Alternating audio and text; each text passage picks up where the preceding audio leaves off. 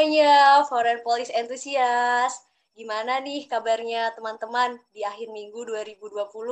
Udah punya rencana belum? Teman-teman bakalan ngapain aja? Atau mungkin mulai sibuk nih buat nyusun resolusi di tahun 2021? Atau malah belum kepikiran bakalan ngapain aja? Kalau belum, teman-teman bisa yuk dengerin Foreign Police Talk atau yang kita singkat dengan Forest jadi bagi teman-teman yang belum tahu, Forest ini merupakan program kerja dari divisi Event and Creative Program FVCI Chapter UMY, yang mana Forest ini tuh nantinya akan berisi tentang bincang-bincang santai mengenai isu-isu yang ada di sekitar kita maupun di lingkungan internasional yang tentunya berkaitan dengan kebijakan luar negeri Indonesia. Wah, kalau udah tahu dari pengertiannya ini pasti menarik banget nggak sih? Nah, dari teman-teman, udah bisa nebak belum nih kira-kira tema apa sih yang bakalan kita ambil di podcast kali ini? Kalau belum, langsung aja yuk aku kasih spoilernya. Jadi, di podcast kali ini tuh kita akan membawakan tema tentang gerakan pro-demokrasi di Thailand. Wah, udah kedengarannya temanya keren banget. Nah, untuk mendukung tema yang keren ini, kita juga udah kedatangan salah satu tamu spesial yang gak kalah kerennya dengan tema kita yang mana beliau ini merupakan lulusan hubungan internasional angkatan 2015 Universitas Muhammadiyah Yogyakarta dan sekarang sedang menempuh pendidikan S2-nya di Thailand. Yuk daripada lama-lama kita langsung aja sambut beliau Kalana. Halo Kalana. Halo. Gimana nih Kak kabarnya? Ke ke sini. Uh, kalau gitu aku perkenalan dulu mungkin ya. Oh iya, boleh boleh kak. Nah, uh, tadi yang sudah disampaikan juga uh, panggilanku Lana atau nama lengkapnya Maulana Ibrahim. Tadi udah disebutkan juga angkatan 2015 UMY dulunya. Dan sekarang memang lagi menempuh pendidikan S2, udah mau selesai sekitar kurang lebih dua, satu bulan lah, kurang dari satu bulan udah selesai. Um, dan di sini kebetulan kuliah di Tamasat University uh, dan mengambil studi Asia Pacific uh, di Master of Arts in Asia Pacific Studies gitu. Nah, selain kesibukan melanjutkan S2, ada kesibukan lain nggak sih Kak selama berada di Thailand ini? Gimana, gimana? Sorry. Um, jadi, selain kesibukannya di S2 ini, Kalana ada kesibukan lain nggak selain di bidang akademik? Selain di bidang akademik, of course, kuliah dan ngerjain tesis ya. Memang lagi sisa tesis doang sih. Selain itu, kerja sebagai research assistant uh, untuk proyek penelitian yang diadakan oleh Kemlu Indonesia um, mengenai uh, pokoknya bikin rekomendasi kebijakan gitu deh. Terus selain itu juga uh, sibuk ngurus-ngurus um, ikut lomba conference, uh, presentasi paper, kemudian juga um, baca-baca aja deh sisanya. Baca buku Wah, gitu, baca artikel. Wah kalau lihat dari biografi ya Kalana ini, Kalana keren banget ya, aktif banget di dunia akademis dan juga khususnya di bidang Kementerian Luar Negeri. Wah keren banget. Nah, tema kali ini pun juga pastinya juga berhubungan erat sama Kalana yang lagi ada di Thailand kan. Jadi Kalana ini gimana sih Kak sejarah awalnya gerakan pro demokrasi di Thailand? Oke, uh, kita masuk langsung ke materi aja.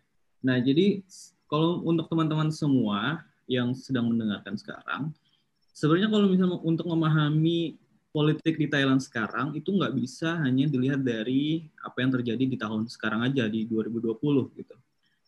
Uh, mungkin teman-teman juga nanti di akhir bakal ada dapat apa ya uh, bisa dipelajari lah khususnya dalam uh, misalnya teman-teman udah pada pernah ngambil mata kuliah comparative politics comparative politics itu kan nanti bisa dijadikan satu pembelajaran uh, tersendiri juga khususnya bagi teman-teman yang mungkin ingin membawakan atau me, uh, menjalankan agenda-agenda progresif gitu. Karena kalau misalnya kita lihat trennya, ini sebelum masuk ke Thailand dulu ya. Uh, kalau kita lihat trennya di Asia Tenggara, kemudian juga di beberapa negara di kawasan di Asia Timur, itu ada ada tren gitu ya uh, kemunduran demokrasi, terus kemudian juga uh, abuse terhadap human rights, kemudian juga ada gelombang um, demonstrasi besar-besaran juga nggak hanya di di Thailand, tapi juga di Hong Kong, kemudian juga ada sempat di Taiwan beberapa kali um, dan lain-lain gitu, termasuk di Indonesia tahun kemarin 2019 dan juga terakhir uh, tentang omnibus law itu. Nah, jadi nanti ada pembelajaran-pembelajaran yang bisa diterapkan juga di Indonesia. Tapi untuk memahami apa yang sedang terjadi di Thailand, kita akan ngomongin tentang um, domestiknya gitu ya.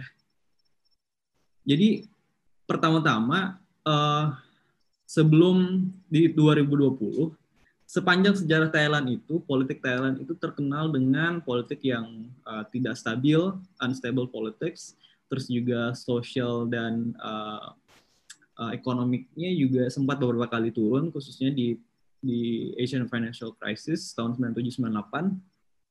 Um, tapi untuk melihat gerakan ataupun juga demonstrasi uh, demokrasi ini, ini dilihat jauh sekali di tahun 1932 gitu ya.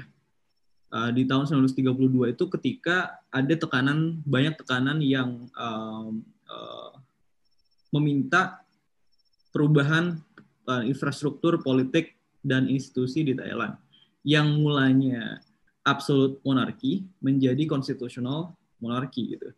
Nah, yang yang uh, pergerakan di tahun 1932 itu pun akhirnya berhasil mengubah menjadi konstitusional monarki.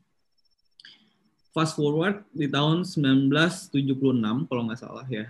Kalau misalnya teman-teman uh, search di apa namanya di Google gitu. Thammasat University. Terus nanti keyword yang selanjutnya akan muncul adalah uh, uh, massacre atau juga uh, pembunuhan gitu ya. Karena apa? Biasanya pergerakan-pergerakan demonstrasi yang ada di Thailand ini mulanya dan juga tidak terbatas di Thailand di negara-negara lain pun juga banyak itu biasanya dimulai oleh mahasiswa gitu students ya. Dan itulah yang uh, terjadi di tahun 1976 sekitar lebih dari 100 uh, eh, mahasiswa itu terbunuh uh, berlawanan dengan polisi dan juga uh, militer gitu. Itu di, dihujani oleh peluru-peluru timah, peluru besi gitu. Beneran ya? Bukan peluru karet atau apa pun. Sehingga menyebabkan um, apa namanya uh, terbunuhnya banyak orang gitu. Bahkan disiksa di tempat ramai juga uh, terjadi juga. Kalau misalnya teman-teman buka dokumenternya uh, banyak tuh. Nah makanya nanti dari situ dari sejarah yang dulu sampai sekarang juga berkaitan. Karena kan politik itu adalah siklus antara ya. uh, naiknya satu kekuatan kemudian uh, ada oposisi gitu ya. Ini general patternnya politics ya. Uh, kemudian juga ada aktor-aktornya. Kita nanti akan ngomongin aktor-aktornya secara detail juga. Um, jadi politik itu permutaran sejarah yang berulang-ulang, cycle gitu. Termasuk juga kalau misalnya teman-teman belajar politik di zaman Yunani kuno gitu ya, itu pasti juga akan ada pelajaran-pelajaran yang bisa diambil dan dan hal-hal yang seperti ini secara general patternnya itu berulang. Yang berbeda adalah details-details kecilnya. Makanya nanti uh, pembelajaran comparative politics itu bisa diterapkan juga uh, di tidak hanya terbatas di satu domestik saja, tapi juga akhirnya bisa di, dibuat perbandingan uh, melalui studi yang um, yang scientific gitu dengan uh, menggunakan variabel-variabel tertentu. Nah, terus uh, di di tahun 1976 tadi banyak uh, yang terbunuh mahasiswa. Itu aktornya adalah waktu itu pen, uh, polisi sebagai uh, apa namanya penegak hukum yang ceritanya. Karena fungsi polisi adalah memang penegak hukum. Kemudian juga uh, ada militer juga uh, bekerja sama. Keduanya itu untuk menjaga keutuhan negara. Karena yang terjadi pada saat itu adalah uh, mahasiswa itu uh, banyak pergerakan-pergerakan kiri gitu ya sayap kiri di uh, di kampus. Uh, banyak juga ajaran-ajaran komunisme yang ada di ada di apa namanya di Thailand khususnya di Thammasat University. Karena gelombang komunisme di tahun uh, 60-an 70-an itu masih lumayan besar ya. Kalau misalnya di Indonesia itu udah habis semua di tahun 64 65 di Thailand uh, di Vietnam juga itu waktu itu uh, masih perang gitu kan dengan US uh, antara Vietnam Selatan dengan Utara gitu. Kemudian juga uh, di Thailand sekitar 1976 ada banyak mahasiswa akhirnya yang kebetulan sekarang ada salah satu profesorku uh, yang kenal. Dia adalah uh, dulu mantan mahasiswa yang kabur ke hutan gitu gara-gara masih uh, di S1-nya dulu uh, dia agak ke kiri-kirian gitu. Jadi akhirnya di, jadi buronan waktu waktu dulu. Nah tapi anyway, uh, akhirnya kan ini membentuk satu fondasi yang berulang gitu uh, antara aktor mahasiswa, kemudian masyarakat secara luas, kemudian juga polisi dengan juga militer dan ini dikontrol oleh uh, pemerintah karena karena sudah pembagian kekuasaan uh, apa eksekutif di tangan prime minister kemudian juga ada uh, monarki gitu yang yang punya kekuatan ultimatum. Nah, karena sejarah politik Thailand ini yang bermasalah adalah adalah konstitusinya. Secara apa ya secara historis gitu. Sampai sekarang pada faktanya itu ada sudah 20 kali uh, pergantian konstitusi revisi referendum segala macam. Ada yang caranya uh, melalui referendum, ada yang ada yang uh, uh, pemaksaan perpindahan kekuasaan gitu yang terjadi pada di 2014 terakhir. Nah, fast forward ke tahun 2014 tadi, uh, di saat itu terjadi krisis politik juga, sehingga akhirnya diberlakukan um, apa namanya uh, hukum yang ditegakkan oleh militer gitu.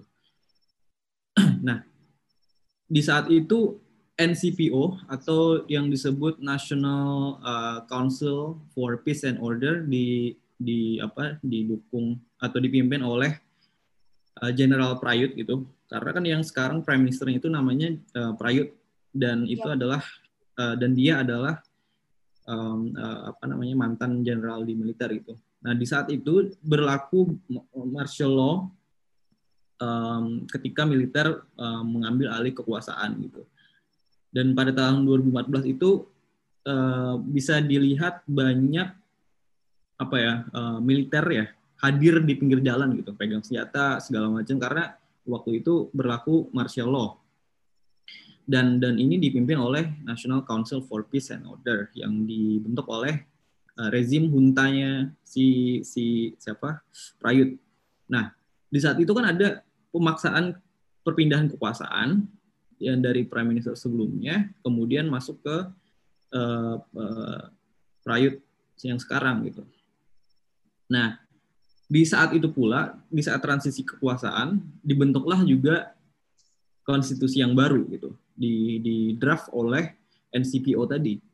Terus kemudian di tahun 2016, um, di akhir 2016 itu Raja Bumibol yang sebelumnya itu meninggal dunia, kemudian digantikan oleh anaknya yang sekarang uh, Fajila Longkor.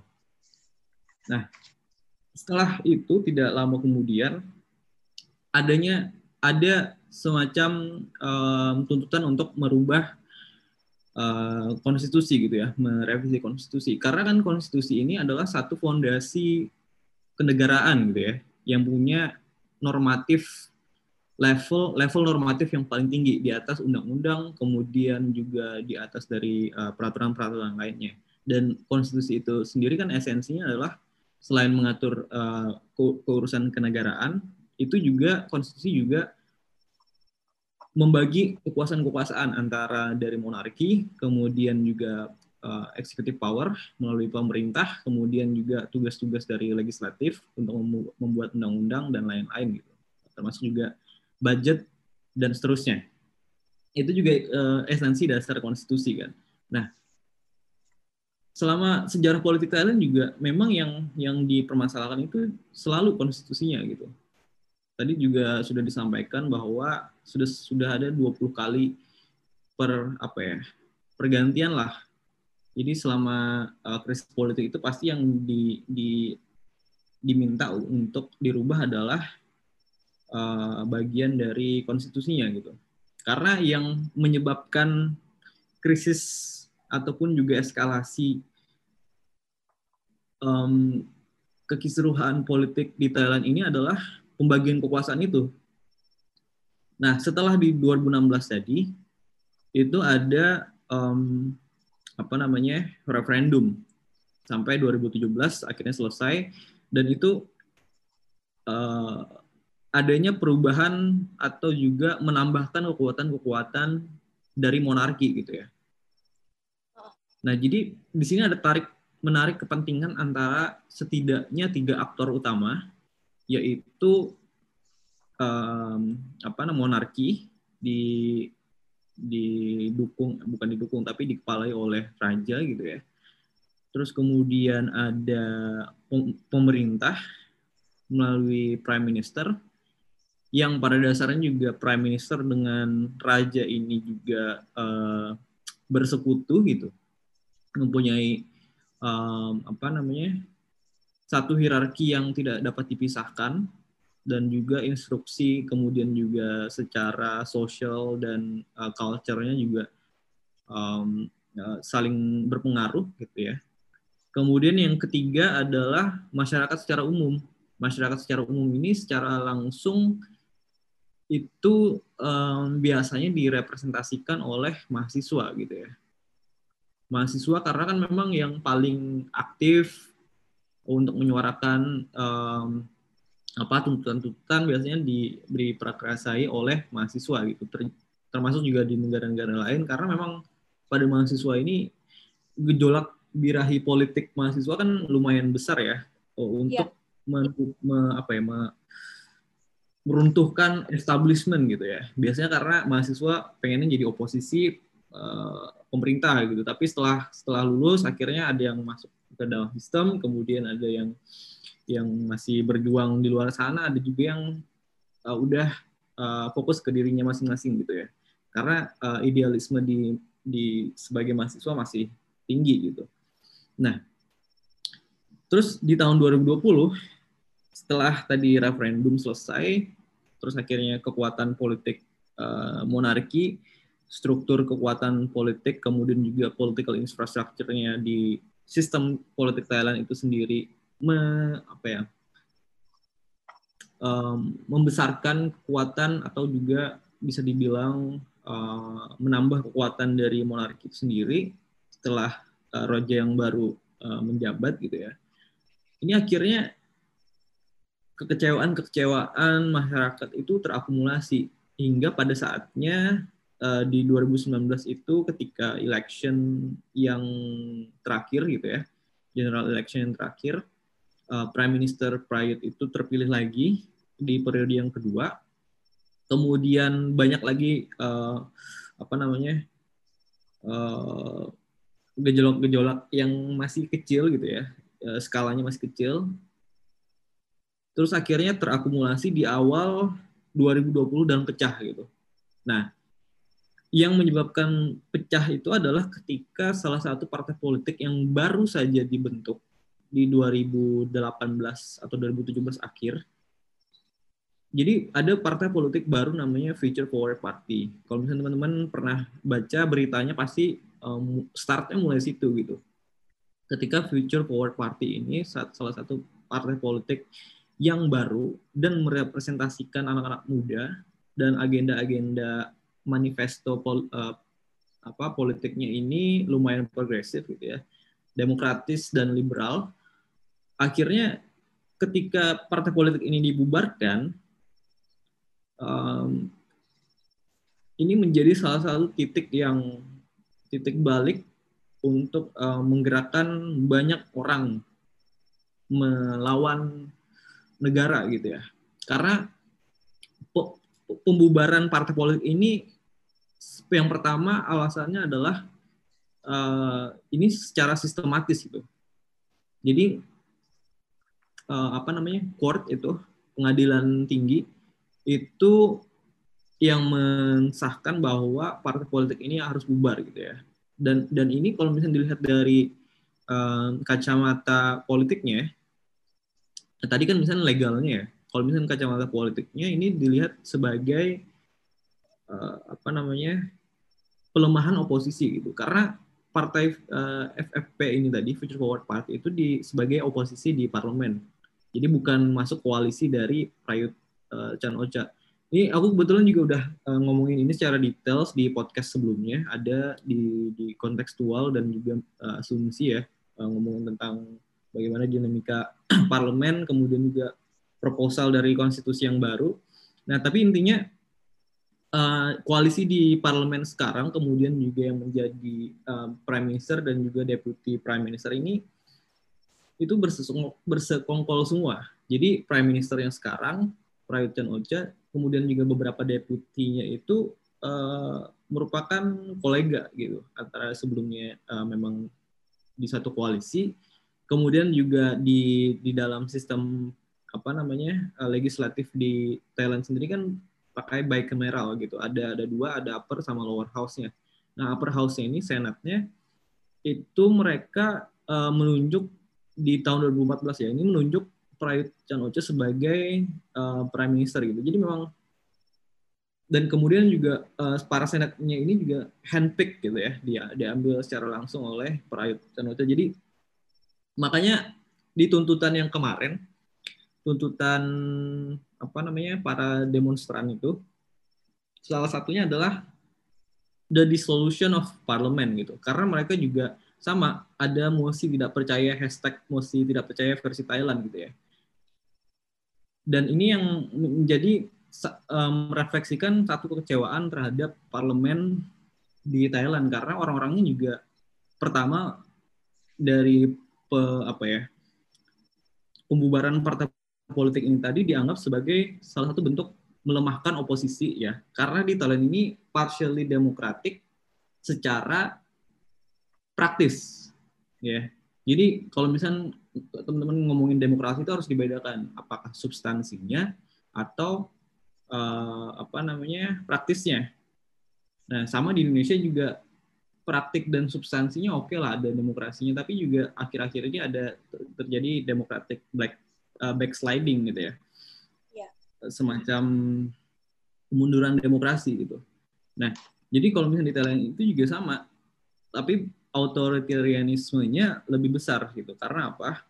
Yang pertama tadi uh, upaya untuk melemahkan oposisi ya. Karena kan dalam demokrasi juga harus ada uh, di dalam parlemen khususnya untuk membuat uh, legislasi dan undang-undang uh, itu diperlukan adanya oposisi kan selain juga untuk uh, check and balance, kemudian juga untuk mengontrol uh, apa namanya eksekutifnya. Nah ini yang yang menyebabkan bahwa uh, apa pembubaran partai politik ini tadi yang merepresentasikan anak muda itu akhirnya uh, membuat gelombang pertama lah bisa disebut di di tahun 2020 ini. Dan kenapa itu juga bisa akhirnya um, menyebabkan apa namanya uh, banyak anak muda kemudian juga termasuk bahkan anak siswa-siswi SMA gitu high school juga ikut masuk. Nah, terus selanjutnya uh, sampai mana tadi? Nah, setelah setelah partai politik ini tadi dibubarkan gitu ya dan alasan dibubarkannya juga memang karena katanya uh, sumber aliran dana dari partai politik ini dianggap ilegal gitu akhirnya itu yang menyebabkan jadi salah satu alasan utama dari court itu untuk membubarkan partai politik ini tadi.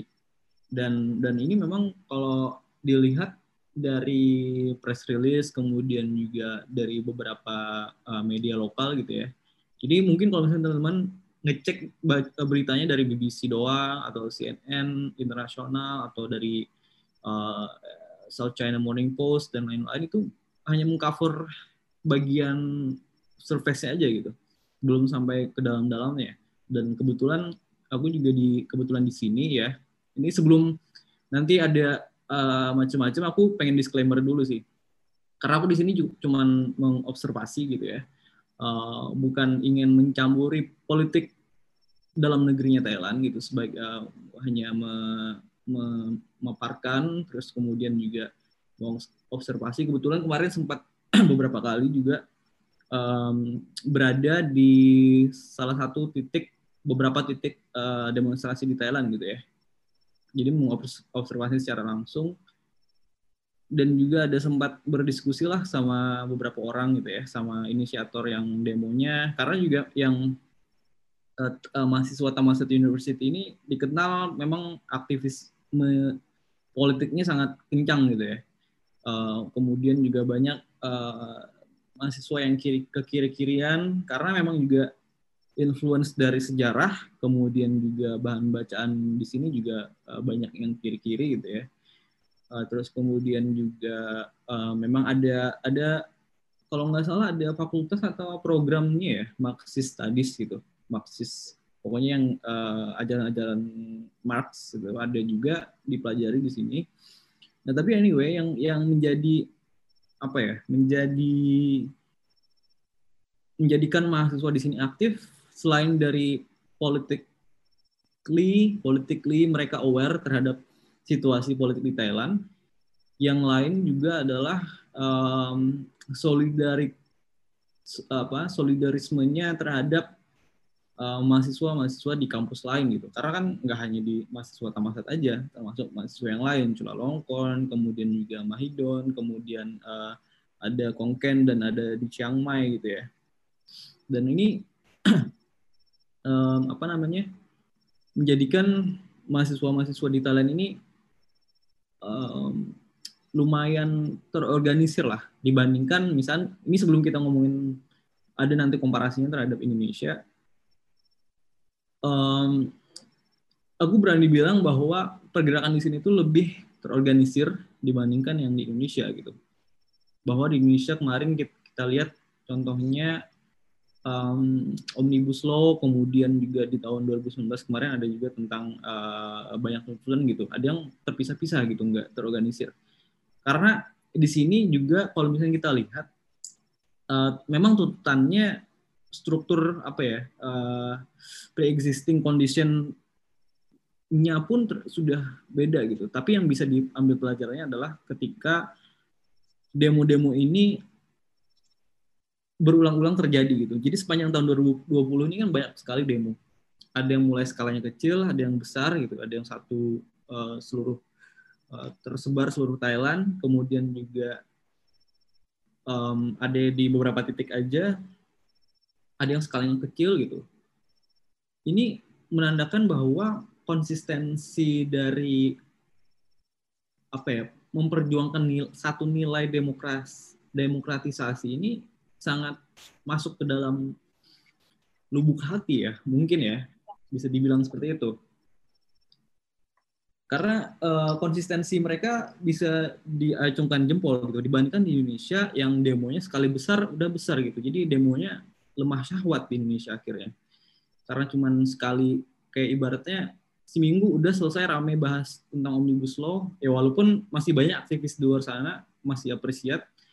Um, yang selalu menyuarakan bahwa uh, misalnya satu kebijakan yang akan diambil ini banyak ininya uh, flows-nya. Apalagi para akademisi, praktisi dan expert dan NGO di luar sana juga memang secara secara uh, apa namanya uh, secara konsisten juga udah menyuarakan dan juga memberikan masukan-masukan tapi politik itu enggak enggak hanya cuma milik NGO politik itu nggak hanya cuma milik mahasiswa gitu ya. Politik itu nggak hanya milik pemerintah aja atau uh, legislator, anggota parlemen PM-nya. Politik itu milik semua karena ketika masyarakat kecil yang tidak terdampak secara langsung oleh kebijakan publik, karena kebijakan publik ini pasti mempunyai uh, intrinsik politik gitu.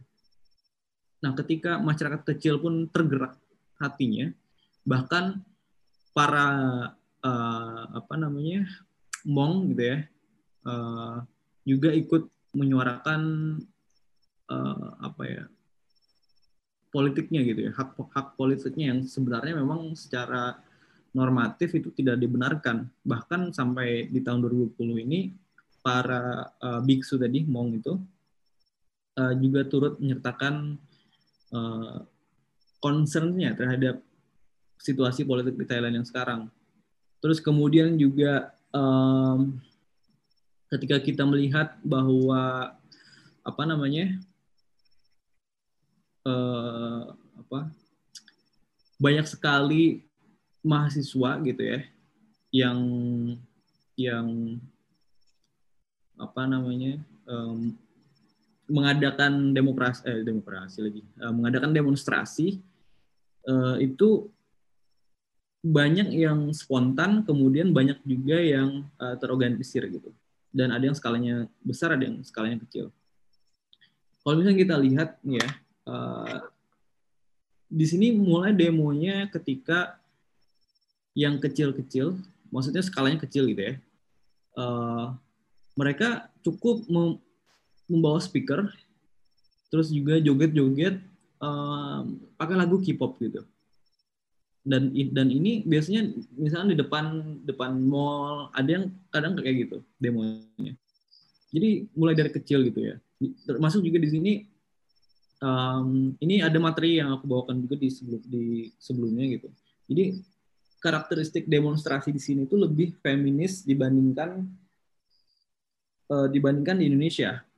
Karena apa? Karena kalau kita komparasikan dengan Indonesia, demonstrasi di Indonesia itu identik dengan kekerasan, kemudian bakar-bakar ban gitu. Kalau misalkan belum ricu sama polisi itu belum disebut demo. Pokoknya romantisasi maskulinitas terhadap satu aktivitas politik itu sangat kental di Indonesia.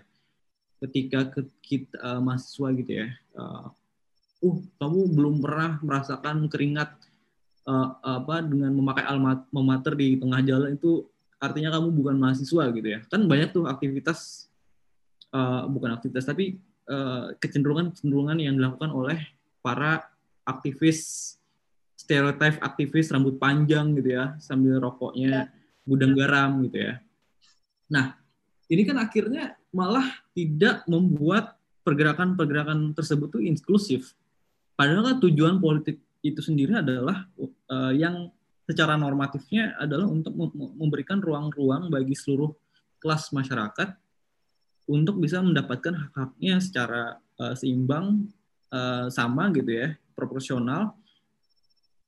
Hak bukan proporsional, tapi memang harus sama. Kemudian juga uh, yang lain-lain juga harus uh, equal gitu ya. Nah, akhirnya ini kan malah menjadikan perpecahan secara horizontal gitu. Yang tadinya awalnya mungkin punya satu tujuan sama, tapi ternyata caranya berbeda gitu. Nah, makanya itulah politik. Mungkin semua orang sepakat bahwa masalahnya adalah satu gitu. Mungkin mungkin di Thailand masalahnya adalah struktur polit, uh, politik dan hierarki di di uh, di politik di Thailand gitu. Perbe uh, uh, apa pemisahan kekuasaan antara monarki, pemerintah dan dan juga uh, masyarakat gitu. Nah, mungkin semua orang setuju masalahnya di situ, tapi solusi yang ditawarkan kan pasti berbeda-beda. Ada yang mungkin setuju, uh, oke, okay, monarki masih ada, tapi konstitusional monarki tetap ada, tapi misalnya uh, dilemahkan gitu dari kekuatan politik dari monarkinya. Kemudian uh, ditekankan ke pemerintahan gitu lebih besar seperti yang terjadi di Malaysia misalnya atau uh, apa di uh, di apa di Malaysia konstitusional monarki ada ada rajanya tapi semua power eksekutif itu lebih um, besar di di eksekutif gitu dipegang oleh prime minister yang sekarang. Kemudian juga misalnya di di apa namanya di Singapura presiden ada presiden ada prime minister juga tapi prime minister yang lebih menjalankan ke ke pemerintahannya gitu ya. Nah cara-cara itulah yang berbeda yang menyebabkan bahwa dinamika politik itu nggak hanya simply bahwa ada ada uh, apa namanya ngomongin substansinya aja tapi juga proseduralnya juga harus dilihat gitu. Jadi kalau misalnya ngomongin tentang demokratisasi kemudian juga politik gitu harus dipisahkan uh, apa sekat-sekat penjelasan secara eh, ilmiahnya agar kita bisa melihat mas masalah dan dinamika politik itu nggak nggak hanya biner aja gitu. Kalau misal uh, ada ada apa namanya kekerasan oh sama dengan otor apa authoritarian gitu. Itu kan nggak bisa kayak gitu kalau misalnya kita dalam social science. Nggak ada yang namanya analisis ataupun juga jawaban yang mono kausal gitu ya. Atau satu faktor A maka akan langsung B gitu ya. Menyebabkan iya. B. Nggak nggak bisa kayak gitu kalau di social science. Nanti teman-teman juga kalau misalnya nulis skripsi juga bikin kesimpulan atau hipotesa juga nggak nggak bisa kayak gitu bahwa satu faktor akan langsung uh, menyebabkan faktor yang B gitu. Nah, terus selanjutnya, oke, okay, uh, eh, gimana? Mau di ini? Um, ini kak, aku mau tanya kalau dari penjelasan kakak tadi kan um, demonstras um, demokrasi apa kenapa mahasiswa akhirnya turun ke jalan dan pro terhadap demokrasi itu kan salah satunya karena adanya apa namanya pembagian sistem pemerintahan yang tidak merata. Nah, aku baca kalau misalkan di tahun 2019 itu kan Perdana Menteri Prayut kalau saya tidak salah sebut namanya itu kan hmm. terpilih. Nah, katanya itu pemilihannya itu secara secara curang gitu. Apakah itu juga menjadi faktor atau alasan yang akhirnya membuat mahasiswa turun ke jalan? Oke, kalau misalnya curang atau tidaknya ini aku kurang tahu sih persisnya kayak gimana. Cuman yang pasti memang uh, dari apa namanya kan di sini nggak pemilihan secara langsung ya uh, melalui dua ballots gitu dan dan ini yang yang di dalam koalisi di parlemen ini tadi kan menunjuk prime minister gitu ya.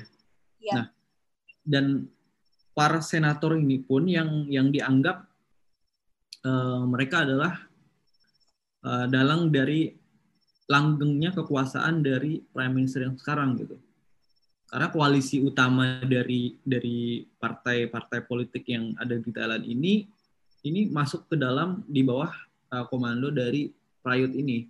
Makanya juga kan di dalam uh, apa namanya demand itu ada 10 uh, eh, sorry ada ada ada tiga ada tiga demand utama. Yang pertama adalah uh, pembubaran parlemen which is not possible karena bubarnya parlemen itu kan memang kalau kalau aku bisa tanggapin ya, yang pertama ini pembubaran parlemen ini lebih apa ya merefleksikan ke, eh, kekecewaan gitu. Karena tadi itu tadi uh, apa namanya uh, orang-orangnya pun juga memang di bawah dari komandonya Prayut. Jadi ini lebih ke grievance saja dibandingkan daripada uh, rasionalisasi karena memang kalau misalnya dilihat dari apa sistem kenegaraan di mana pun biasanya ada ada pasti ada tiga itu tadi ada eksekutif terlepas itu rezimnya mau otoriter ataupun juga pure demokrasi ataupun yang lain-lain gitu.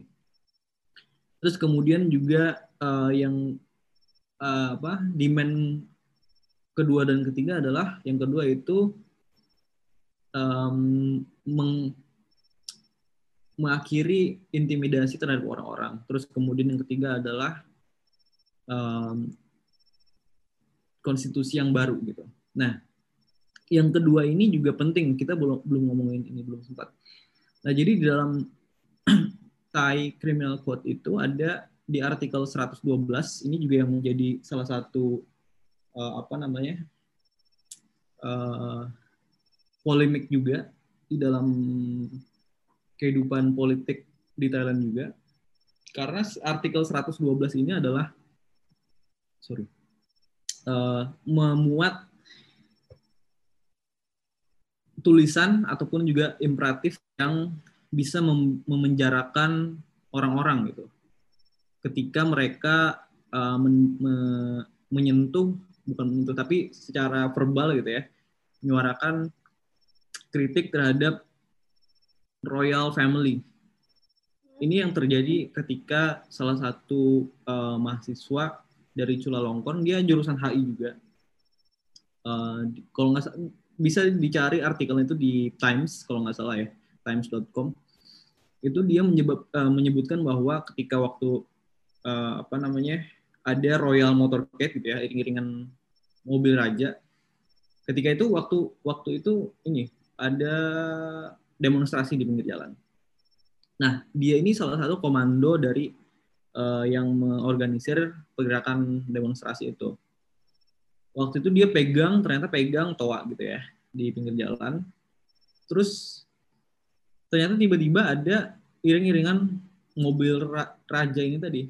Terus kemudian dia waktu itu teriak gitu ya, nggak nggak sengaja. Terus akhirnya besok besoknya ditangkap polisi karena katanya uh, dia teriak di depan ratu gitu. Dan ini akhirnya dia terancam di penjara seumur hidup. Nah bayangin di, di 2020 di abad 21 masih ada um, apa ya sistem feodal yang sangat nyata seperti ini gitu. Nggak jauh-jauh dari Indonesia. Paling cuma sejam setengah lah dari Indonesia naik pesawat. Masih ada sistem feodal seperti ini. Dan dan ini juga uh, apa ya banyak artikel ini artikel karet gitu ya ibaratnya pasal karet yang banyak digunakan untuk mengkriminalisasi aktivis-aktivis yang menyuarakan um, kepentingannya ataupun juga concernsnya terhadap uh, royal monarki gitu ya. Dan dan banyak orang yang uh, memang ini salah satu tuntutan yang diarahkan kepada uh, apa namanya kepada raja juga untuk lebih uh, demokratis dalam artian demokratis ini uh, substansinya accountable gitu ya karena di dalam apa gelombang demokrasi, uh, sorry, gelombang demonstrasi untuk mendemokratisasi ini pun juga sebenarnya terpecah juga. Setidaknya ada dua gitu ya. Pertama, yang lebih radikal itu biasanya dipimpin oleh uh, mahasiswa-mahasiswa Thammasat University gitu, yang menyuarakan untuk mereformasi monarki gitu. Karena mereka juga berargumen bahwa kalau misalkan pemerintahnya diganti, prime ministernya ganti tetap aja sama gitu karena monarkinya juga masih ada di situ. Terus yang kedua uh, yang lebih moderat itu ya pengen gantinya draft konstitusi yang baru. Terus kemudian juga um, mengganti prime minister, minta turun prime minister. Tapi akhirnya kemarin tidak tidak jadi uh, tidak mau gitu rakyatnya dengan alasan um, apa namanya untuk mengendalikan uh, penyebaran COVID itu. Jadi COVID pun di sini dipolita, dipolitisasi juga karena pengendalian COVID di Thailand relatif lebih bagus dibandingkan negara-negara di Asia Tenggara lainnya. Uh, mungkin di bawah Singapura lah. Singapura masih the best. Jadi uh, pengendalian COVID di sini masih masih lebih bagus dibandingkan negara-negara uh, sisanya gitu. Terus um, akhirnya uh, sempat kemarin juga ada state uh, deklarasi state emergency gitu beberapa hari uh, sekitar mungkin kurang lebih seminggu lah itu bulan-bulan apa ya Oktober kalau nggak salah apa November Oktober mungkin ketika itu uh, gara-gara banyak kekerasan terjadi antara polisi dengan juga uh, para demonstran gitu ya. Akhirnya diberlakukan state uh, emergency itu um, apa militer pun juga turun ke jalan. Sempat kemarin ada rumor bahwa bakal ada um, kudeta yang terbaru. Tapi akhirnya uh, cuma sebatas rumor gitu. Nah terus juga berkaitan dengan yang pengkriminalisasian salah satu orang tadi yang di uh, apa namanya diancam penjara sumur hidup dengan juga ada 15 orang yang lainnya itu bisa dikatakan itu sebagai deterrence effect gitu, yang ingin ditunjukkan oleh uh, royal uh, monarkinya di sini apa royal family-nya gitu monarkinya di sini. Karena message yang mungkin ingin disampaikan adalah oh jangan macam-macam gitu sama uh, kerajaan kalau misalnya macam-macam penjara gitu. Makanya itu yang mungkin menjadi salah satu deterrence effect yang ingin ditunjukkan oleh um, apa namanya uh, para dari sisi monarkinya. Nah kalau hmm. dari dari yang tadi disampaikan Kak Kalana, kalau misalkan si pemerintah ini kan akhirnya mau menjarakan salah satu orang tadi yang berteriak di depan ratu dan juga 15 orang lain. Nah itu gimana sih tanggapan demonstran kayak mahasiswa? Apakah mereka akhirnya menjadi takut atau justru tetap masih terus melakukan demonstrasi, Kak? nah ini mungkin uh, mungkin nggak hanya terbatas di Thailand ya. Kalau misalnya pergerakan seperti ini itu bukan hanya tuntutan tuntutan yang rasional gitu, tapi juga akhirnya ini memainkan dimensi perasaan juga emosi gitu ya. Ketika melihat temannya uh, ditangkap misalnya, ini kan me, apa ya sparking atau men-trigger uh, kemarahan juga. Akhirnya juga mem, untuk memobilisasi pergerakan secara massal, nggak hanya perlu uh, orasi atau skill untuk uh, public speaking yang bagus gitu, untuk uh, memberikan pandangan-pandangan terhadap uh, mahasiswa, kemudian juga masyarakat secara biasa, agar bisa memahami isu yang kompleks gitu uh, tentang politik kan mungkin nggak semuanya bisa dipahami sama orang gitu. Mungkin orang orang melihatnya bahwa uh, bahwa si A jahat, si B baik gitu. Mungkin se, se terbatas pada itu gitu. Makanya perlu ada uh, upaya atau skill juga untuk mengkomunikasikan uh, tuntutan-tuntutan ini terhadap masyarakat yang yang yang kelas bawah juga. Terus kemudian juga uh, isu emosi pun juga akhirnya menjadikan apa ya uh, salah satu penggerak lah bisa dibilang gitu uh, banyak orang yang akhirnya ter, tergerak uh, yang belum pernah turun demo akhirnya turun demo juga semuanya gitu karena melihat banyak kriminalisasi yang dilakukan uh, terhadap terhadap banyak mahasiswa gitu. Nah terus kan selanjutnya adalah ketika mobilisasi apa namanya mobilisasi pergerakan ini dapat dilakukan, akhirnya dapat memberikan social impact yang besar gitu. Dan pergerakan ini pun juga akhirnya bisa inklusif, nggak nggak eksklusif. Uh, ini perjuangan politikku, mana perjuangan politikmu? Bukan kayak gitu, tapi ayo kita bareng-bareng uh, menjalan, menjalankan agenda ini. Nah ini yang yang masih menjadi salah satu problem yang terjadi di, di Indonesia gitu. Ketika merangkul uh, apa namanya ke, uh, untuk membawa agenda yang progresif itu masih masih agak susah juga. Terutama kalau misalnya kita perbandingkan dengan um, apa gerakan demonstrasi di tahun 98 dulu, zaman era Soeharto gitu ya, di akhir zaman Soeharto itu sangat maskulin gitu. Uh, aku pernah dengar salah satu cerita dari mantan aktivis uh, di tahun itu. Uh, ini aku juga sebutkan kalau nggak salah di mana ya di di podcastnya Asumsi kalau nggak salah uh, bahwa ketika ada mahasiswa yang uh, atau kampus yang tidak ikut demo waktu itu malah dikirimin pakaian dalam wanita gitu ya ke lapangannya lah terus kemudian juga dikirimin uh, Eh, apa bebek kalau nggak salah bebek atau ayam ya yang Jadi itu menandakan bahwa penghinaan gitu ya kak kalau nggak ikut demo. Iya itu penghinaan kalau misalnya ini kampusnya cemen gitu nggak nggak berani ya. uh, turun ke jalan. Nah itu kan akhirnya walaupun pada akhirnya berhasil untuk meruntuhkan uh, apa rezim Soeharto, tapi kan itu ada keterpaksaan gitu. Nah mobilisasi ini yang yang penting ketika untuk membawa agenda-agenda progresif. Terus kemudian juga public sympathy itu juga merupakan salah satu faktor yang yang penting juga.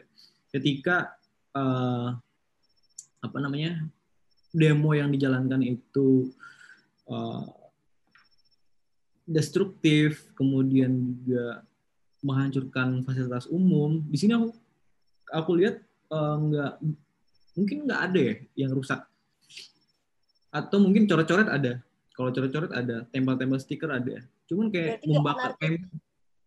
Ah, kalau misalnya di les mungkin ada anarkis, uh, khususnya waktu ketika berhadapan dengan polisi, tapi ketika terhadap fasilitas umum, aku lihat nggak ada malah beritanya ya.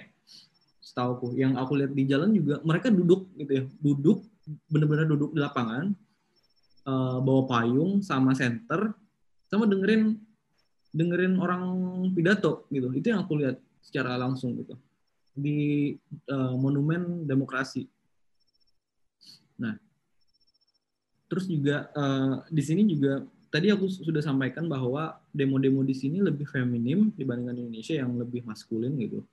Terus juga banyak dipimpin oleh pergerakan atau kaum kaum LGBT yang yang menginisiasi uh, apa demo-demonya. Karena di sini ketika tahu pengen ngadain demo, tinggal chat aja di tele, uh, grup gitu di Telegram. Oh ayo demo di sini sekarang uh, agendanya ini ini ini langsung datang semua.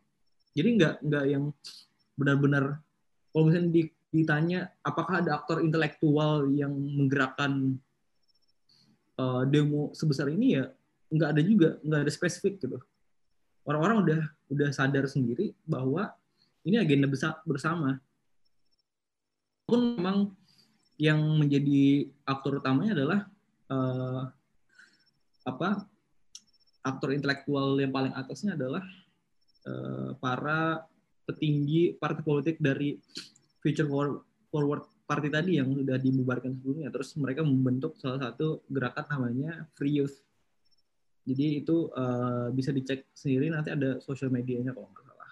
Di Twitter apa di Instagram ini mereka yang uh, apa namanya yang akan salah satu wadah gitulah untuk mengakomodir pergerakan-pergerakan di Thailand. Kemudian juga kalau misalnya ditanya aktor-aktor internasional yang membantu, biasanya kalau misalnya erat eh, gerakan demokratisasi ini kan erat kaitannya dengan negara-negara barat ataupun negara-negara besar yang ingin uh, apa apa menjalankan kepentingannya gitu. Karena demokrasi biar nanti uh, bisa free market segala macam. Oh ini nggak ada nggak nggak kayak gitu. Ini itu teorinya bukan teori itu asumsi belaka gitu kayak gitu. Yang ada malah uh, ini memang gerakan uh, benar-benar kemudian juga uh, walaupun itu cuma sebatas bantuan mungkin bantuan uang. Dan bantuan uang pun juga biasanya ini dari masyarakat sendiri ada ada semacam uh, donasi gitu. Dan ini pun juga ditampilkan secara transparan di websitenya itu nggak salah ada bahwa kalau misalnya donasi yang masuk ini ada ada sekian sekian sekian dari siapa gitu atau misalnya di di sensor namanya. Kalau untuk polisinya sendiri tuh apakah mereka juga bersifat anarkis gitu kak? Kalau dibandingkan sama demokrasi di Indonesia kan polisinya tuh kebanyakan berlaku kasar atau mungkin bahkan sampai menculik mahasiswa sampai akhirnya mereka itu nggak bisa demo. Kalau di Thailand sendiri tuh antara polisi dengan mahasiswanya tuh gimana kak? Kalau untuk polisi sendiri sih sebenarnya uh, yang dilihat kemarin itu uh, kalau seanarkis di Indonesia sih enggak ya. Kalau di Indonesia juga memang karena kan ini ya uh, di Indonesia itu ada yang polisinya nyamar sebagai mahasiswa yeah. kemudian uh, apa namanya ricuh gitu ya. Jadi bisa untuk ngeblame bahwa mahasiswanya bikin ricuh duluan kayak gitulah. Itu kan teknik-teknik standar lah ya. Kalau di sini aku detailnya kurang tahu ya. Atau enggak pun juga kurang tahu di sini. Cuman yang menarik dan lucu adalah ini ada salah satu artikel juga kemarin di diangkat di, oleh asumsi itu mereka menyebutkan uh, jadi ada pedagang kaki lima gitu ya kayak gerobakan gitu. Di sini juga banyak. Kalau demo uh, pedagang kaki lima nih biasanya yang paling laku jualannya. Uh, kayak jualan es krim lah jualan apa kayak makan makanan pentol-pentol gitulah bakso gitu. Juga banyak ya. Nah dan ini ini dikatakan mereka yang paling tahu tempat demo selanjutnya di mana gitu. Karena biasanya uh, para apa uh, para muda ini kan biasanya untuk melakukan demonstrasi mereka nggak ngasih tahu polisi sebelumnya gitu.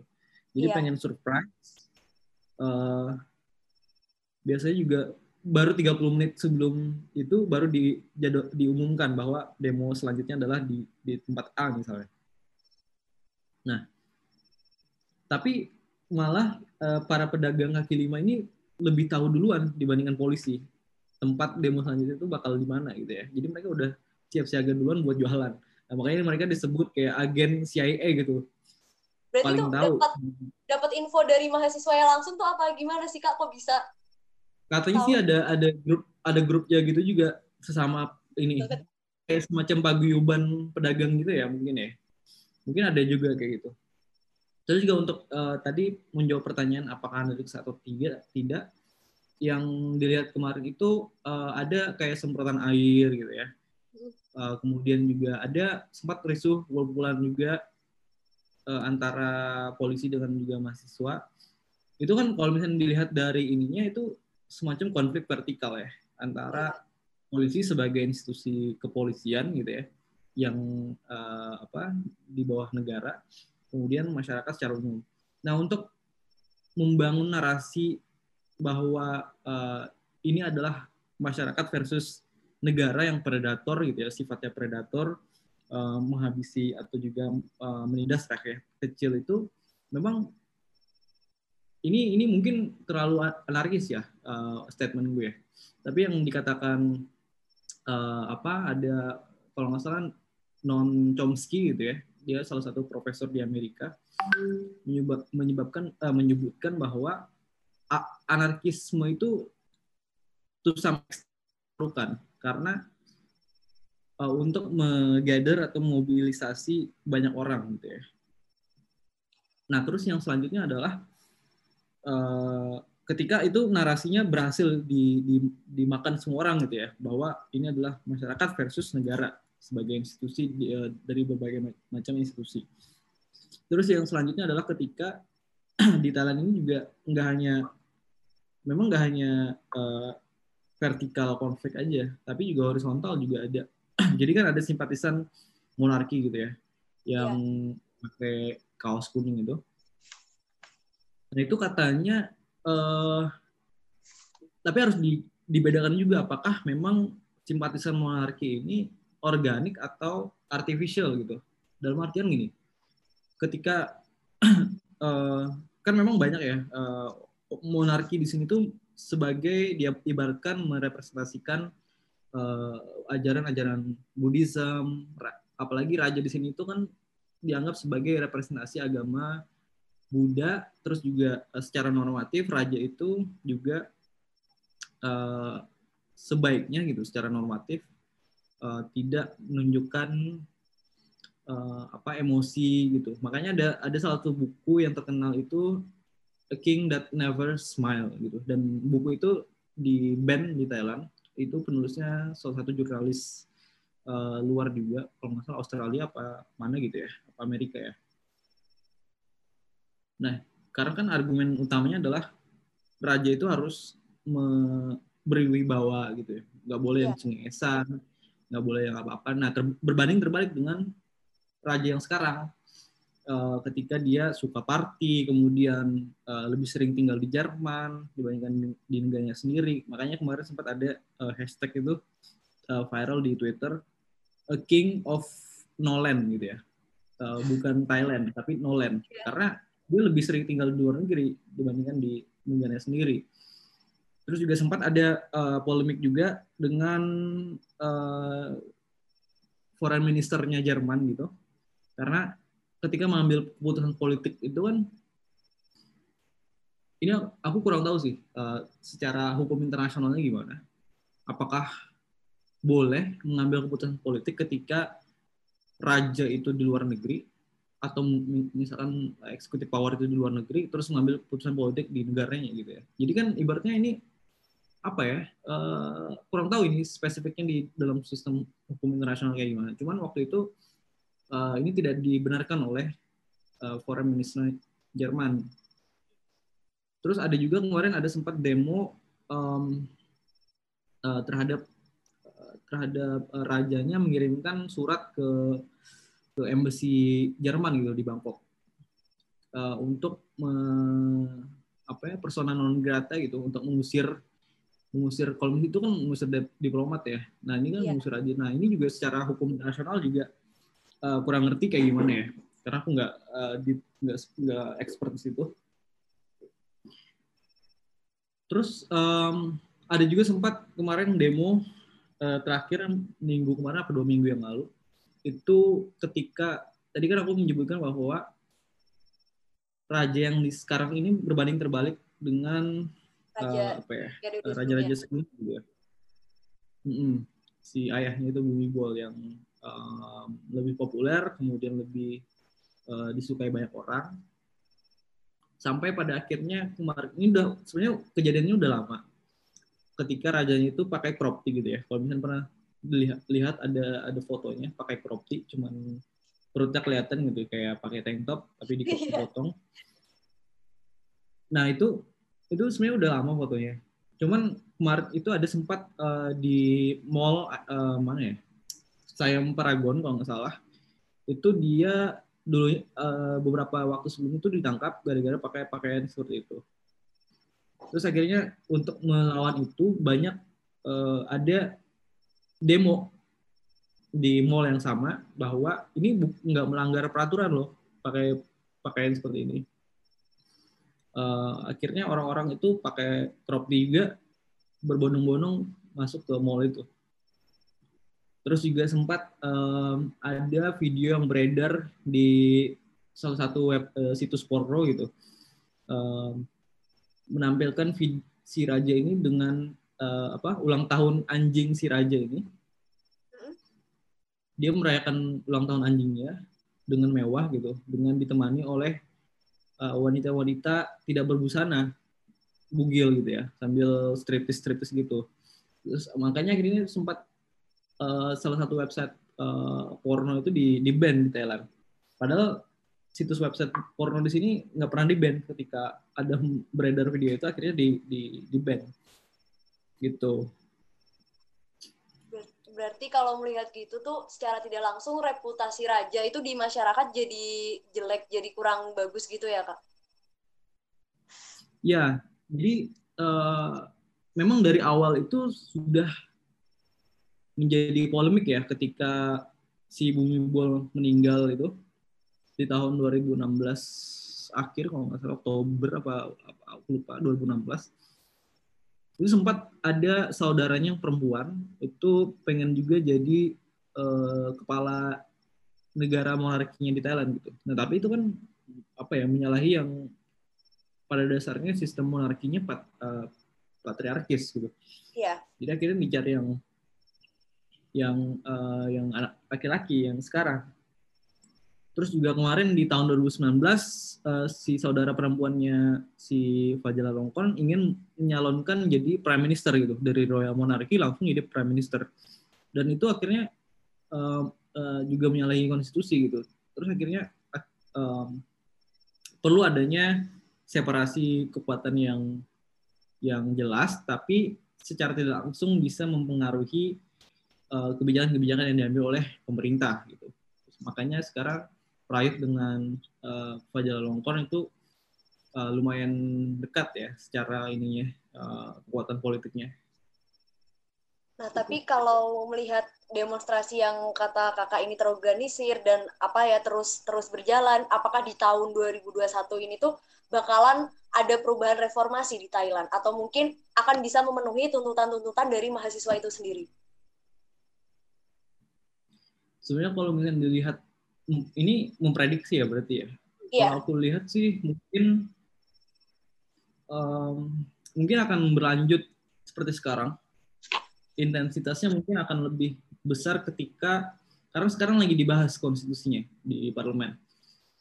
Ketika uh, hasil dari pembahasan konstitusi yang baru ini tidak mencerminkan tuntutan-tuntutan yang sebelumnya sudah disampaikan gitu ketika itu tidak mencerminkan uh, tuntutan tersebut mungkin akan ada gelombang baru lagi yang yang menyebabkan atau bisa jadi uh, men-trigger lebih banyak orang untuk turun ke jalan.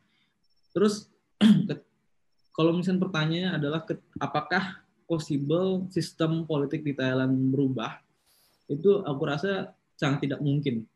Belum ada mungkin di sejarah modern ini belum ada salah satu negara yang uh, berubah secara drastis yang mulai dari monarki tiba-tiba jadi sistem federal gitu.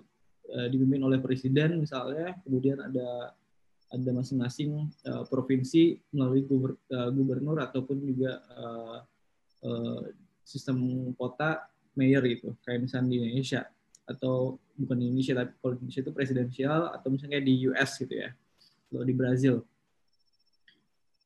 itu sangat tidak mungkin kalau menurutku. Karena eh, pengaruh monarki di sini pun juga masih sangat kuat gitu. Ditambah lagi untuk merubah itu pun juga perlu referendum kan. Dan ini yeah. juga pasti banyak orang yang yang yang tidak setuju. Apalagi di generasi-generasi yang terdahulu yang generasi lebih tua lah. Masih banyak juga yang berpengaruh dan favoring terhadap uh, menurut kita termasuk juga anak-anak muda bahkan. Di anak muda sendiri pun yang mungkin privilege-nya itu uh, hidup di keluarga yang berkecukup uh, ker, uh, apa ya cukup gitu lah ya. Tidak terpengaruh secara langsung kebijakan politik apa pun. Uh, akhirnya juga apa ya melihat bahwa kondisi politik Thailand ini udah biasa aja. Uh, sudah nyaman dengan status quo gitu ya. Bahwa di Thailand ini ya udah uh, ada raja ya udah kenapa sih gitu dia bentuk uh, partisipatifnya kurang dan lebih apa, uh, apatis terhadap uh, kegiatan politik di Thailand beda dengan orang-orang yang mungkin di bawah gitu uh, yang secara material dan juga ekonominya sangat bergantung pada kebijakan publik dan lain-lain gitu. Kira-kira gitulah. Dan mungkin kalau misalnya kita lihat di Indonesia juga ketika di tahun 98 ketika perubahan uh, besar-besaran gitu ya dari uh, rezim otoriter kemudian didemokratisasi diikuti dengan berbagai macam uh, apa amandemen konstitusi sebanyak empat kali kemudian juga uh, banyak undang-undang yang dibikin baru untuk mendukung uh, demokratisasi tersebut termasuk misalnya uh, undang-undang partai politik baru ya pers dan lain-lain. Uh, itu juga nggak hanya krisis politik tapi juga ekonomi gitu yang terjadi sama halnya dengan ketika perpindahan dari Soekarno dengan Soeharto oh, mungkin banyak yang melihat uh, waktu itu uh, gara-gara isu komunisme gitu ya. Eh, G30S itu mungkin banyak yang tahu bahwa transisi kekuasaannya di start di momen tersebut. Tapi juga kita kalau misalnya membaca lebih jauh sejarahnya, ketika itu juga terjadi krisis moneter sampai inflasi 500% gitu di zaman Soekarno. Iya. Maka di zaman Soeharto itu kan banyak ekonomis yang uh, pergi uh, belajar kuliah gitu di di Amerika kemudian di um, di Eropa terus akhirnya diambil lagi dimasukin ke ke apa namanya ke pemerintahan gitu untuk uh, secara teknokratik membentuk kebijakan-kebijakan untuk menyelamatkan ekonomi Indonesia. Karena kebetulan aku juga fokusnya kan political ekonomi ya jadi agak ada belajar lah tentang uh, bagaimana kebijakan ekonomi dari zaman Soekarno sampai sekarang kayak gimana. Terus juga di akhir zaman Soeharto juga itu kan diawali juga uh, nggak hanya krisis politik, uh, kemudian juga ras gitu ya, kemudian juga uh, ekonomi pada khususnya, karena itu juga di di trigger oleh uh, Asian Financial Crisis yang dimulai dari Thailand gitu, akhirnya menyebar ke Indonesia, kemudian yang lain-lain. Jadi krisis politik aja nggak cukup, bukan nggak cukup gimana ya bahasanya?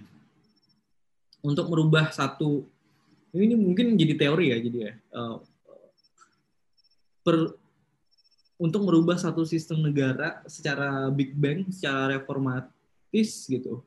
Uh, mungkin perlu adanya nggak hanya krisis politik yang yang kronik tapi juga uh, krisis ekonomi yang besar gitu. Apa sebagaimana sejarah uh, di Asia Tenggara ini ini kalau misalnya pembelajaran komparatif politiknya di situ tadi ya.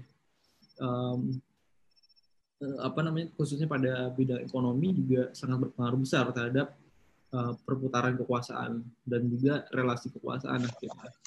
Kira-kira seperti itu lah. kalau kalau gitu berarti uh, kesimpulannya adalah untuk perubahan reformasi di Thailand ini tuh masih masih jauh lah ya dari kata mungkin ya kak karena kan banyak banget problematika yang yang terjadi di dalamnya. Nah, yeah. mungkin um, penjelasan dari Kalana ini udah cukup banget nggambarin dengan jelas gimana sih demo apa gerakan demokrasi gerakan pro demokrasi di Thailand yang digagas oleh mahasiswa yang mana gerakan pro demokrasi ini juga sebenarnya udah terjadi cukup lama tapi kemudian akhirnya pecah dan mengalami perpuncaknya di tahun 2020 karena salah satunya adalah adanya pembubaran partai politik yaitu partai apa tadi ya kak? Power um, power party. Oh iya nah iya itu karena di karena dicurigai mendapatkan dana-dana yang tidak kasarannya apa ya tidak dananya itu iya tidak sumber tidak sumber dananya tuh tidak jelas lah dari negara. Nah kemudian untuk masa masa depan dari gerakan pro demokrasi Thailand ini tuh juga masih abu-abu karena untuk untuk perubahan reformasi di Thailand tuh pastinya tidak akan mudah karena balik lagi seperti di, yang dijelaskan Kalana ada banyak sekali problematika-problematika yang harus diurus dan juga tidak bisa dalam waktu cepat. Nah, mungkin sekian dulu untuk pembahasan di Forest episode kali ini. Terima kasih banyak untuk Kalana yang sudah meluangkan waktunya untuk berbagi ilmu kepada kita semua. Sama-sama.